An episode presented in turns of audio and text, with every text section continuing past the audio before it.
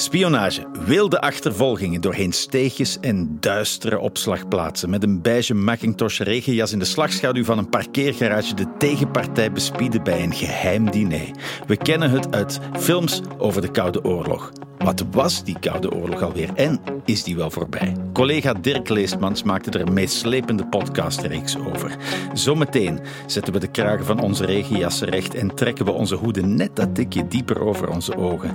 Mijn naam is Bent van Looy, je luistert naar Voorproevers. Voorproevers. Dirk Leestmans, welkom in Voorproevers. Dank je. Waarom wilde jij deze reeks maken? Omdat het een wereld is die me mateloos fascineert, altijd al. En ik heb al verschillende reportages gemaakt in die sfeer, dus ik heb met de staatsveiligheid al wel eerder te maken Mhm. gehad, als journalist wel te verstaan.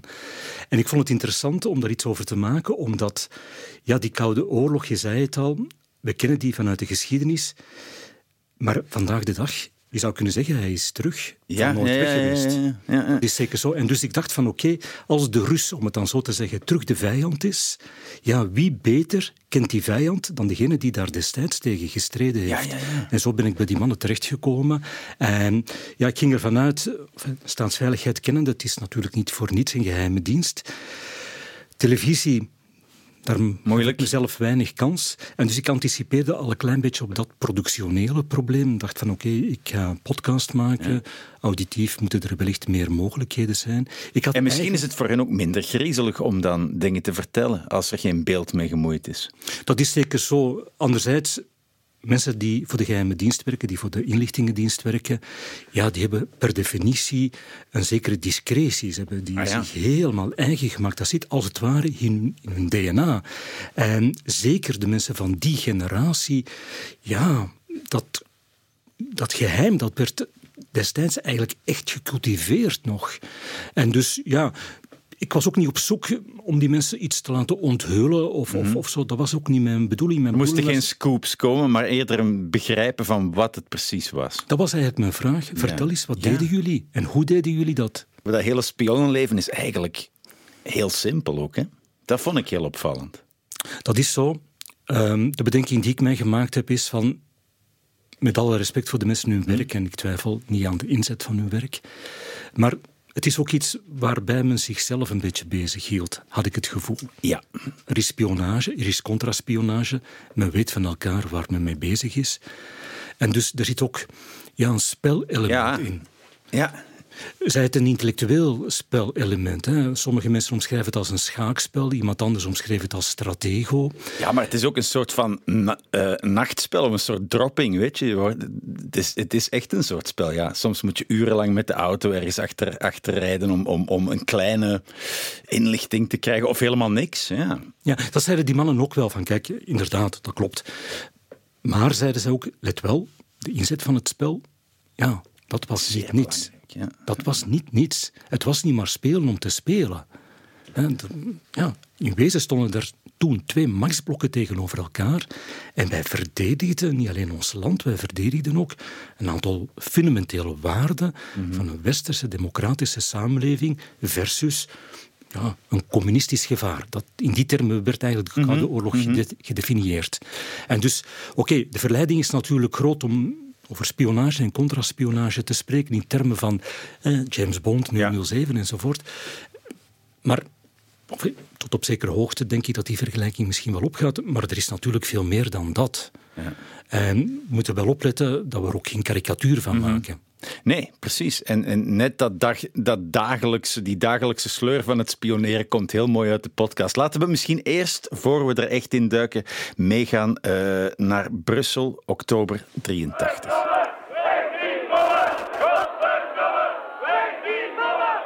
Ja, godverdomme, weg die bommen. Ik herinner het mij nog een beetje. Ik was misschien zes of zeven, maar ik, ik was daar wel. Dat was een gigantische betoging tegen... Tegen de plaatsing van de kernraketten. Ja, jij was daar ook. Ik was daar ook. Ja. Als deelnemer of als journalist? Als betoger, als deelnemer, als overtuigd pacifist. Want eh, wat was daar precies het probleem? Er werden Amerikaanse kruisraketten in ons land geplaatst. Dat was de bedoeling. Ja. En eigenlijk kaderde die betoging ja, zeg maar een soort wapenwetloop. Hè. En, en dus ja, de dreiging van een oorlog werd heel reëel. En natuurlijk, als je ja, je bewapent, het is natuurlijk de bedoeling van die wapens misschien ook wel te gebruiken, al was het als afschrikking. En hoe dan ook zat je in een wapenwetloop langs de beide kanten. Nou, heel eenvoudig gezegd, de bedoeling van de vredesbetoging was van, ja, laat ons samenleven in vrede. Mhm, tuurlijk. Zo eenvoudig was het eigenlijk. Prachtig ideaal. Eh, ik had zelf een, een, soort van bord geknutseld met krijt. Ik was met mijn ouders. Heel vreedzaam, heel uh, pacifistisch, heel idealistisch. Maar, zeg jij, uh, later hoor ik ineens dat die hele vredesbeweging werd aangestuurd door de inlichtingendiensten van de Russen. Dat wordt gezegd door de gesprekspartners in de podcast. De vraag is of dat klopt of in welke mate dat klopt. En dus, ook als ja, medebetoger denk ik dat ik kan zeggen dat een zeer groot aantal mensen daar was vanuit een intrinsieke overtuiging van moeten vrede hebben in plaats van oorlog. Ik denk dat daar aan die motivatie niet kan nee, Je kunt dat toetsen aan je eigen motivatie. Absoluut. Maar zeggen, zeggen de getuigen van de podcast, ze, zeggen, ze doen dat op een hele slimme, uh, uh, subtiele manier, zodat degenen die er naartoe gaan uit overtuiging niet doorhebben dat ze in feite gestuurd worden. Ja, dat klopt, dat zeggen zij, maar toch blijf ik erbij. Die overtuiging, die pacifistische overtuiging, was heel reëel. Die was niet alleen maar gemanipuleerd. Hè. Maar dat gevoel geven ze natuurlijk een klein beetje door die stelling, alsof die honderdduizenden mensen, ja, bij wijze van spreken, nuttige idioten waren, mhm. die als poppetjes gedirigeerd werden door Moskou. Ik druk het een beetje uit in, in sloganeske termen, maar daar komt het in essentie op neer. Terwijl je ook zou kunnen redeneren, en Stefan Blommaert, een journalist, ja, van dit huis. Man is ondertussen met pensioen, maar goed, hij kent Oost-Europa zeer goed. Hij was ook destijds actief als journalist om die vredesbeweging, om daar verslag over uit te brengen. Hij zegt ook van, ja oké, dat is misschien wel juist, maar tegelijkertijd hadden de Russen die manipulatie niet nodig, want ze was er eigenlijk al. Niet de manipulatie, maar de overtuiging van ontwapening, de overtuiging van vrede, die was er. Dus er viel eigenlijk helemaal niet zoveel te manipuleren. Evident kwam het Moskou goed uit dat die beweging er was en zagen ze dat maar al te graag gebeuren. Dat die raketten niet zouden komen. Klopt. Ja. Uh, zijn ze dan misschien, vinden ze zichzelf dan misschien een tikje te belangrijk, de inlichtingendiensten? Dat ze zeggen van dit is allemaal georchestreerd, dit is ons werk, of, of het werk van onze uh, tegenpool?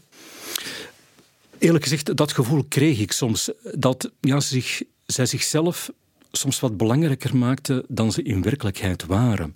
En natuurlijk, als je die redenering toepast vanuit het standpunt van de spion, zeg maar de, de Sovjet-spion hier, mhm. je moet je voorstellen dat zijn mensen die uitgestuurd werden vanuit Moskou naar concreet Brussel. Dat is in zekere zin een privilege zij moesten natuurlijk ook hun job waarmaken. En hoe maak je je job waar? Ja, door de zaken misschien een klein beetje mooier te vertellen dan ze in werkelijkheid zijn. Door informatie misschien een klein beetje op te kloppen. Door te doen alsof je iets zeer discreets vernomen hebt, terwijl het publiek toegankelijk is. En dat gevoel heb ik soms wel, dat hè, vanuit die hm, spionnen vanuit het Oostblok, ja, zij zichzelf wat belangrijker maakten. Terwijl als je dan kijkt, oké, welke informatie hebben ze nu eigenlijk te pakken gekregen? Mhm. Dan bleek dat eigenlijk iets te zijn wat je bij wijze van spreken gewoon in de eerste de beste krant kan lezen. Ja, maar je wil natuurlijk niet thuiskomen met geen nieuws. Nee, omdat er was ook, vertellen ze mij, een systeem dat je ja, beloond werd voor de informatie die je aanbracht. En dus ook vanuit dat mechanisme had je er belang bij om het allemaal een klein beetje op te kloppen. Mhm, mhm. Nu, misschien moeten we nog eens even naar de basis. Hè. De Koude Oorlog, waar kwam die precies vandaan en wat stond er op het spel? de Koude Oorlog is eigenlijk begonnen vrij snel na het beëindigen van de Tweede Wereldoorlog, waarbij je, heel eenvoudig gezegd, twee kampen tegenover elkaar had. Je had het westerse, zeg maar, kapitalistische kamp versus het oosten, het communistische kamp. En, en, en ja, men heeft dat wel eens omschreven als, als het ijzeren gordijn dat daartussen hing. En men stond werkelijk met getrokken messen, met kernwapens op een bepaald moment, tegenover elkaar. Mhm. En dus, ja, het was niet alleen twee systemen, maar ook twee waardesystemen die tegenover elkaar stonden. En vandaar dat, dat daar ook gespioneerd werd natuurlijk, want dat is een essentieel onderdeel van een oorlog. Ja. En waarom, waarom was het een koude oorlog en geen hete oorlog? Waarom werd die niet daadwerkelijk uitgevochten? Omdat die gelukkig effectief niet daadwerkelijk is uitgevochten. Omdat het zo snel kwam na de vorige oorlog misschien? Dat zou kunnen. Eerlijk gezegd, daar heb ik het niet direct een antwoord op. Maar het was een koude oorlog omdat er inderdaad niet werd gevochten op een slagveld. Mhm. Er werd niet gevochten op een traditionele manier. Er werd niet gevochten met soldaten. De oorlog werd op een andere manier gevoerd. En de koude oorlog omdat er werkelijk ook een spanning was. Een spanning die haast letterlijk soms te snijden Ja. was. Omdat men op het punt stond van reëel een oorlog te voeren. En er waren verschillende voorbeelden waar het, ja, het scheelde niet veel of het was zover. De mensen in de, in, de, in de frontlinies waren de inlichtingendiensten. Het was een oorlog van twee systemen tegen elkaar, maar zij waren de pionnen die werden uitgezet om, om, om het uit te vechten. Nu, die inlichtingendiensten, jij, jij hebt met een aantal leden daarvan gesproken, dat neemt in onze verbeelding eh, behoorlijke proporties aan. Wat is eigenlijk eh, de rol van zo'n inlichtingendienst binnen een maatschappij? Ja, want je zegt, eh, het werd daar uitgevochten. Het werd natuurlijk niet alleen daar uitgevochten. De inlichtingendiensten ja, werkten natuurlijk niet alleen op zich of tegen elkaar. Ze waren onderdeel van een veel breder systeem, onder andere ook een politiek systeem natuurlijk. En dus dat moeten we wel goed voor ogen houden. Het was niet alleen maar een oorlog of een koude oorlog tussen inlichtingendiensten. Het was een koude oorlog tussen twee machtsblokken. En in die machtsblokken spelen die inlichtingendiensten een wezenlijke rol. Ja, want Churchill, een van de mannen van de echte oorlog, zei van intelligence is knowledge en knowledge is power. Dus eh, die, die intelligentie, die kennis, is wel heel belangrijk om, om, om aan, de, aan de bovenhand te geraken. Absoluut, en, en dat is eigenlijk ook de essentie van spionage en contraspionage. Ja, je probeert essentiële informatie te pakken te krijgen om jezelf beter te wapenen, in de brede zin van het woord, tegen de vijand. En dus dat is essentieel. Maar er is meer dan dat. Spionage kwam er soms ook op neer dat, concreet, Moskou, kijk terug naar de vredesbeweging, probeerde dat Westen te destabiliseren. En dat doet men eigenlijk vandaag nog steeds. Men probeerde politieke systemen te destabiliseren, men probeert te polariseren, men probeert die democratie natuurlijk ook te ondermijnen. Ook op dat niveau wordt die oorlog uitgevochten. Mhm. Dat is het inderdaad wat we nu ook nog heel veel horen. Hè? Dat, die, dat die destabilisatie, dat, dat, dat fake nieuws uitzenden, mensen op laten twijfelen aan wat ze denken te kennen. Ja, ja, ja. Ehm, nu, een oorlog veronderstelt je vijand afmaken en terrein winnen. Nee, zeggen jouw getuigen, niet helemaal. Je ging praten met vier oudgedienden, met contraspionnen. Intelligence is een, en ik ga een Duits woord gebruiken, een herrendienst. Het, het is een oorlog van gentlemen. Ja, dat is inderdaad ehm, iets wat, wat vaak gezegd wordt en ik denk dat dat ook wel klopt. Enfin, de term is een beetje omstreden, maar we weten wat er bedoeld wordt. En ja, we zeiden het net al, het is ook een spel. En je zou kunnen noemen, je zou kunnen zeggen, er horen ook spelregels bij. En je respecteert je tegenstrever ook. En in die zin is er ja, wat je zou kunnen noemen een gentleman's agreement. hè. Je weet van elkaar waar je mee bezig bent, maar het komt er natuurlijk op aan van niet ontmaskerd te worden. En het is een publiek geheim. Er waren nogal wat Russische zogezegde diplomaten die in werkelijkheid spionnen waren. Er waren mensen die onder het mom van journalistiek aan spionage deden. Er waren zakenmensen die aan spionage deden. En eigenlijk wist men dat ook wel. Het komt er dan op aan van niet ontmaskerd te worden. En gewoon met, met een stalen gezicht met je tegenstrever te lunchen. eh, op een beschaafde manier. En, en, en, en, en zo elkaar het vuur aan de schenen te leggen. Dat vond ik ook heel opvallend. Dat, dat eigenlijk dat er ook echt vriendschappen waren. Ja, ja. Enfin, ik weet niet of het echt vriendschappen waren, maar zeker respect. En, en daar staat tegenover dat het een wereld is waar achterdocht voortdurend aanwezig is. Op het randje van de paranoia. Enfin, men zegt wel van, kijk, ja, je moet opletten dat je daar niet in vervalt. Maar toch, het is een wereld waar je eigenlijk nooit iemand 100% kan vertrouwen. Want er wordt ook gewerkt met mollen. Hè? Ja. En, en dus ook dat is belangrijk, dat ja, je moet goed weten wie je tegenover je hebt. En, en wat je zegt klopt, maar vooral als spionnen probeerden mensen te recruteren. Dan ging het op die manier. Hè. Ja. Men nodigt mensen uit om inderdaad te, te eten, om te praten over koetjes en kalfjes. Men probeert te weten te komen wat de hobby's zijn van de betrokkenen. Precies om gefaseerd te werk te gaan. Hè, In eerste instantie wordt er eigenlijk heel gezellig gekeuveld. En men vraagt dat is iets, maar dat is heel onschuldig. En zo gaat men natuurlijk stapje voor stapje verder, Ja. tot je iets doet wat eigenlijk niet mag. En dan heeft men je in de greep. Omdat men dan zegt van kijk, ofwel werk je voor ons verder, Ofwel zeggen we wat je gedaan hebt en dan hang je. Je, je praat daarover met Stefan Blommaert inderdaad in de podcast. Uh, oud-journalist, uh, Oost-Europa-kenner.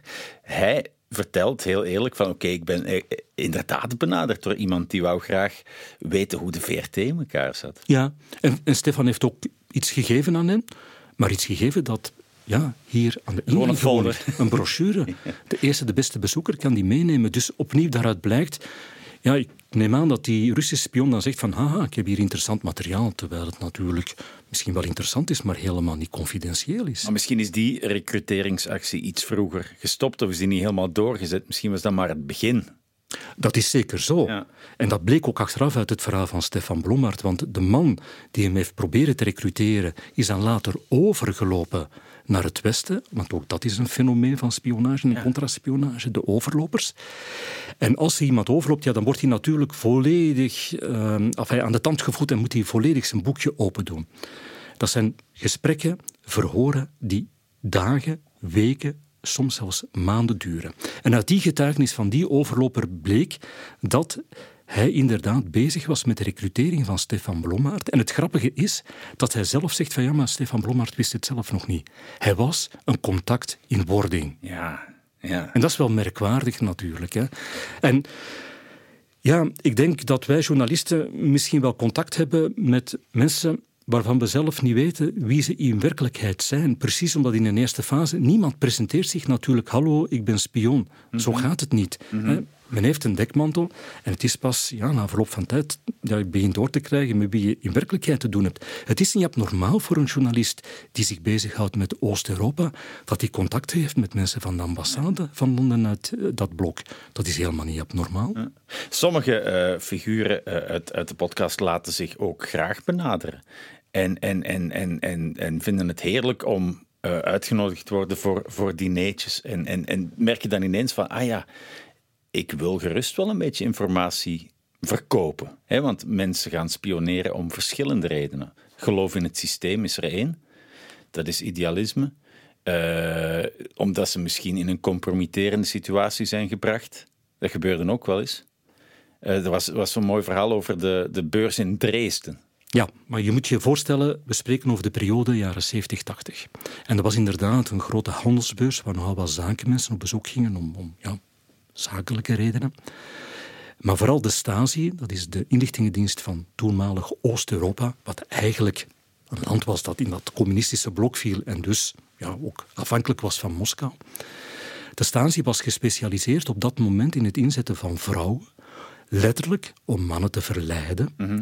om ze in compromitterende situaties te brengen, om daar dan foto's van te nemen en om ze nadien daarmee te chanteren. Dat was inderdaad een techniek die gebruikt werd.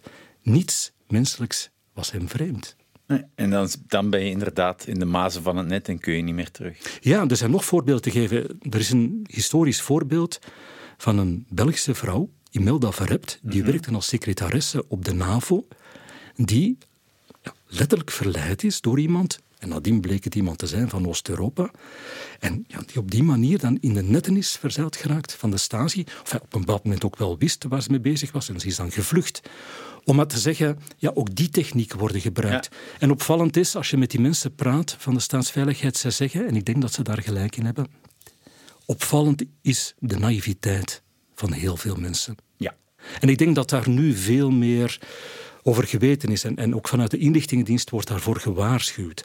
Als er nu delegaties zijn, politieke delegaties, zakelijke delegaties, wat dan ook, mhm. richting een land dat ons vijandig gezind is, ja, dan wordt daar ook voor gewaarschuwd.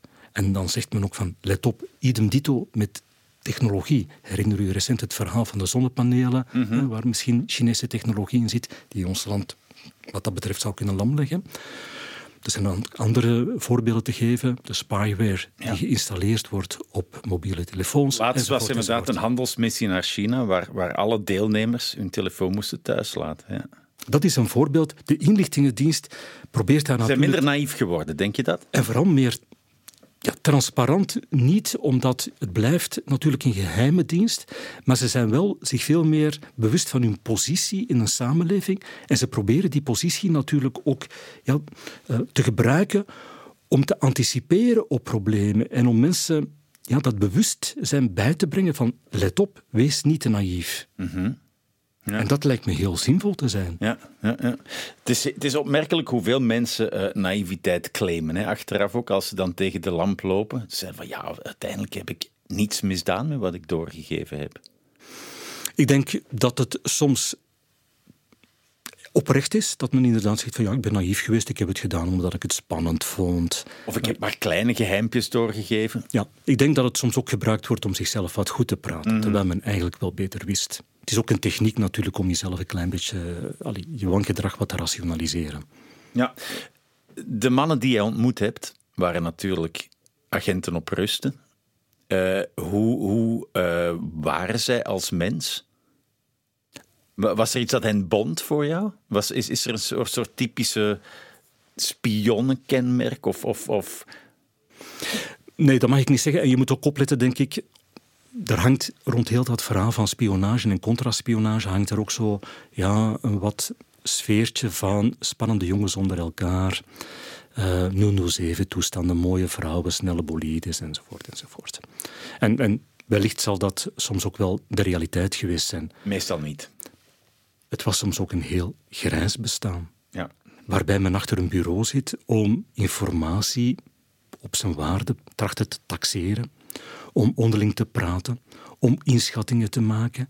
Het was niet alleen maar een spannend verhaal van achtervolgingen en toestanden, dat hoorde daar ook bij, maar het was niet alleen dat. En dus om op je vraag te antwoorden, het waren wat je zou kunnen noemen heel normale mensen. Ja. En zo hoort het ook natuurlijk. Want je mag niet opvallen. Je mag niet opvallen. Dat is het. En je mag zelfs niet zeggen dat je bij de geheime dienst werkt, maar bij buitenlandse zaken of, of zoiets vaags. Of in diplomatie. Dat vond ik ook grappig. Ik vraag het op een bepaald moment aan iemand. Ik zeg, ja, wat zei je toen buren, vrienden vroegen, wat is uw job? Ja. Ja, zegt hij dan. Ik werkte voor het ministerie van Buitenlandse Zaken. En daar hield het op. Ja, heel algemeen. Ehm, er is een heel mooi verhaal eh, van een, eh, iemand die jij ook geïnterviewd hebt voor televisie. Toch eh, toen, Eugène Michiels, iemand die gerecruiteerd werd door ja, de vijand. Ja, in eerste instantie door de Roemeense dienst. hè. Eugène Michiels was iemand die werkte als ambtenaar, heel hoog geplaatst in de administratie van het toenmalige ministerie van Buitenlandse Zaken. En dus, zoals dat gaat met mensen die op die positie zitten, je ontmoet mensen vanuit andere landen op recepties, op evenementen enzovoort. En hij is op een bepaald moment benaderd door iemand van de Roemeense geheime dienst. Securitate. Ja, ten tijde van Ceausescu. Ja. Die man, zijn naam is Johan Kovacci, ehm, benadert hem. En opnieuw hetzelfde mechanisme, dat is een ogenschijnlijk vriendschappelijk contact. En die vriendschap wordt ook wel wat gecultiveerd. En er wordt gevraagd naar de hobby's, en postzegels verzamelen, dat soort dingen. Allemaal heel, tussen aanhalingstekens, normale Die eerste fase. menselijke activiteiten. En Eugène Michiels gaat daar volledig in mee. En op een bepaald moment vraagt hij Kovacs, ja, je hebt me nu dat gegeven en dat, dank u daarvoor. Ehm, maar zou je me misschien ook dat kunnen geven? En dat was dan al confidentieeler. En Eugène Michiels gaat daar volledig in mee. Ziet daar ook helemaal geen graten in. Blijkbaar zegt van, ja, ik kan dat doen. Kovacs geeft op een bepaald moment een enveloppe met geld. Eugène Michiels is een beetje verbaasd, dat wel. Maar zegt wel, dank u wel. Ja, en neemt het mee. Hè. Zegt, ik kon dat daar toch niet laten liggen. Dat is die naïviteit dus. Hè? En dat is ook zijn Achilles. eh, pees, hè, de, de, het, eh, geld. Ja, oké, maar je zou toch wel kunnen redeneren, zoals in de jaren 70, 80, wat andere tijden waren dan vandaag de dag, dat mensen op die positie, die op zijn minst, ja, een beetje. Allee, een beetje, weten waar, ze, ja, een Ja, beetje ja, ja, weten waar ja. ze mee bezig zijn en, daar toch iets alerter op reageren. En dat doet hij dus helemaal niet, inderdaad, vanuit die naïviteit. Misschien ook wel een soort zin voor avontuur. Hè? Er gebeurde wat in zijn leven. Het speelt zich af in die sfeer van geheimzinnigheid, want dat was het wel. Op dat moment zie je dan wel die scènes uit een film. Hè? Want bijvoorbeeld, hij communiceert via dode brievenbussen. Ja. En dan hebben ze blijkbaar een afspraak ergens in eh, Vlaamse Brabant, klein zandweggetje, waar letterlijk een putje gegraven wordt. En waar dan een boodschap verstopt wordt in een doosje. Ja, en als je op een gegeven moment over een boulevard wandelt, aan die kant van de straat, weet het contact van, ah, er ligt iets, ik kan naar het bos rijden om, om het briefje op... Ja, dat is, dat Ze hadden een afspraak dat, ik denk dat het op vrijdag was, om 12 uur moest Eugène Michiels, mocht er iets te melden mhm. zijn, op de Louise-laan in Brussel aan de ene kant lopen. Kovacci zou dan op de Louise-laan aan de andere kant lopen. En op die manier, dat was het signaal van, kijk, ga naar daar, want er valt iets letterlijk te rapen. Ja, uiteindelijk wordt, wordt uh, Eugène Michiels geklist, wordt die, wordt die, uh, ja, is, is zijn spel uit. Dat kwam omdat zijn contact overgelopen was. Ja, dat is zo. Dat is opnieuw zo een van die verhalen hè, waaruit blijkt, eigenlijk kan je niemand vertrouwen. En dus het, contact met de Roemeense geheime dienst, en overigens ook nadien heeft hij nog gewerkt voor de Russische geheime dienst. Ja, hij verkocht informatie twee keer door. Eén keer aan de Roemenen, één keer aan de Russen. En ze wisten het niet van elkaar, wat ook over de kwaliteit van die twee inlichtingendienst wel iets zegt, vind ik. Klopt, klopt. Maar hoe dan ook, hij ging verder met die Roemeense geheime dienst. Die is ook letterlijk eh, bijvoorbeeld een aantal keer naar het buitenland geweest. Onder andere één keer naar de Russische ambassade in uh, Helsinki, als ik me goed herinner. Waar, en opnieuw, dat is dan zo dat, dat jongensachtige aspect er letterlijk geen woord gezegd werd. Juist. Dus hij werd binnengelaten in dat gebouw. En er zat iemand tegenover hem die hij niet kende. En die man zei geen woord. Maar die hield op een bepaald moment een papiertje naar boven waarop een boodschap stond. En ook een vraag. Ja. En Eugène Michiels moest dan antwoorden niet door iets te zeggen, maar wel door ook op een papiertje iets te schrijven. En hij hield dat dan ook omhoog om te laten lezen. En zo is dat gesprek, zo is dat, enfin, gesprek mag ik het niet noemen, zo is die informatieuitwisseling ja, ja, gebeurd.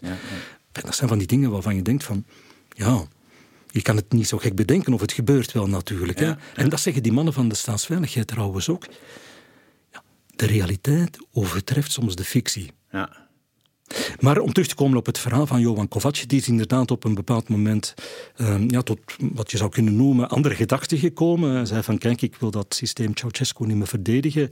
Ik ehm, loop over. En hij belt dan naar staatsveiligheid. Hè. We spreken mm over jaren tachtig.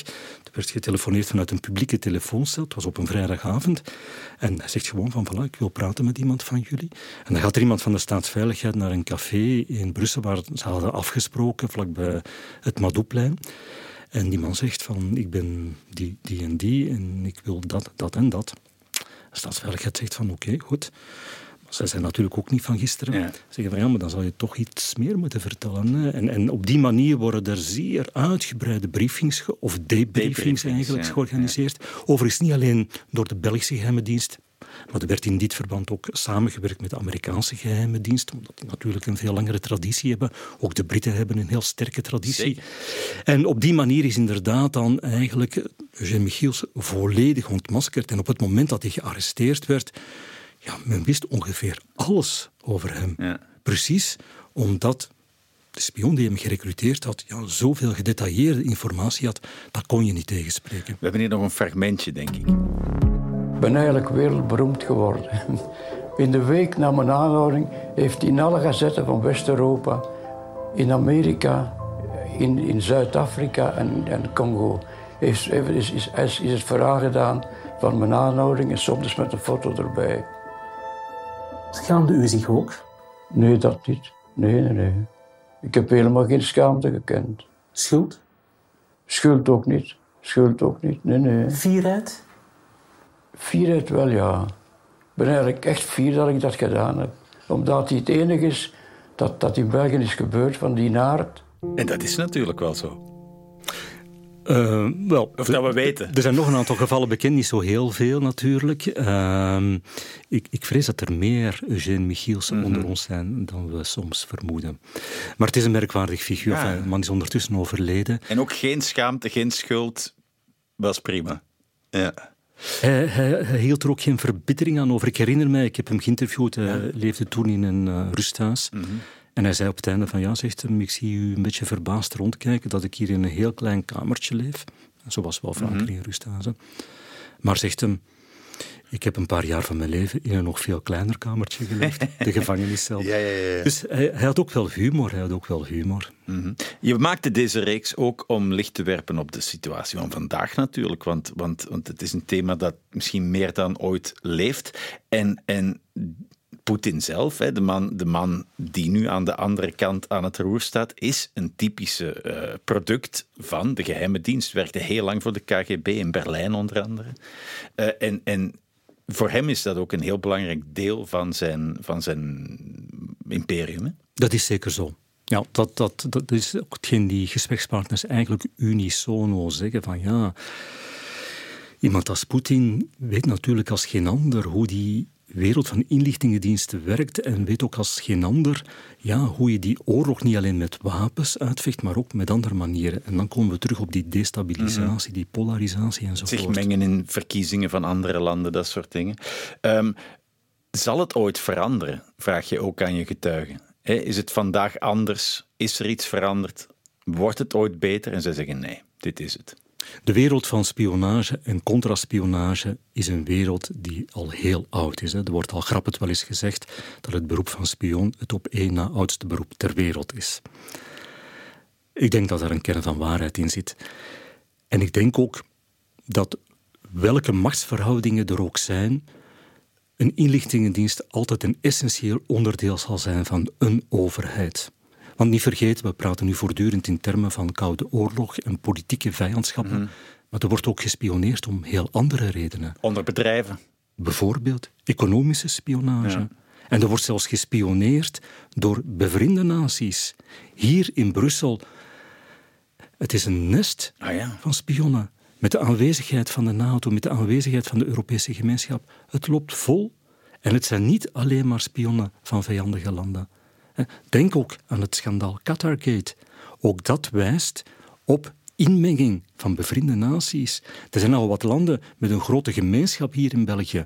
Zij gebruiken natuurlijk ook spionnen in die gemeenschap om te zien ja, hoe die politieke oppositie ten, eigen, ten mhm. aanzien van het eigen thuisland zich organiseert. Ook op die manier gebeurt het. Dus spionage is, is iets wat, wat, wat, wat op verschillende terreinen actief is. Ik zag daarnet bij het, bij het binnenkomen van de VRT nog iemand zitten met zo'n krant met twee gaten in. Zou dat iets kunnen zijn? Dat denk ik niet. Dat denk ik niet. Uh, Want als er, iets, als er iets veranderd is, dan zijn het natuurlijk de technieken. Juist. Um, jij uh, wil nog meegeven aan iedereen niet te naïef zijn, denk ik. Hè? Ja, of het is niet aan mij om, om nee, boodschappen uit te sturen. Maar we, dat moeten is wel... we moeten ons bewust zijn dat het overal is. Dat is zeker zo. Mm -hmm. uh, enorm bedankt, uh, Dirk Leestmans. Graag gedaan.